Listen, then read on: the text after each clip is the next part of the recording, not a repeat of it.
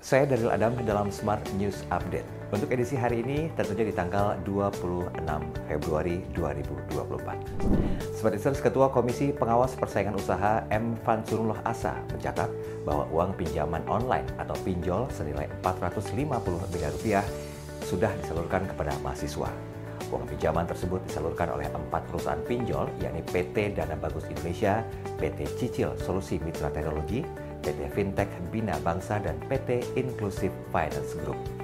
Porsi pinjaman paling banyak disalurkan dana cita yang mencapai 83,6 persen. KPPU akan memanggil keempat perusahaan tersebut lantaran diduga melanggar Undang-Undang Pendidikan Tinggi.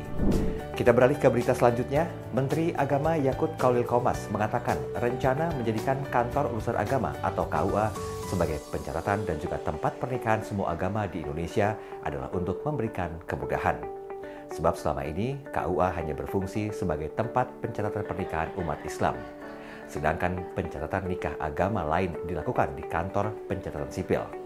Yakut menyampaikan rencana itu masih dibicarakan di antara Direktur Jenderal Bina Masyarakat di Kementerian Agama. Kita menuju ke berita terakhir. Asosiasi Serikat Pekerja Indonesia mendesak Presiden Joko Widodo untuk menurunkan harga bahan pokok mengingat dalam beberapa minggu terakhir harga bahan pokok terus melambung.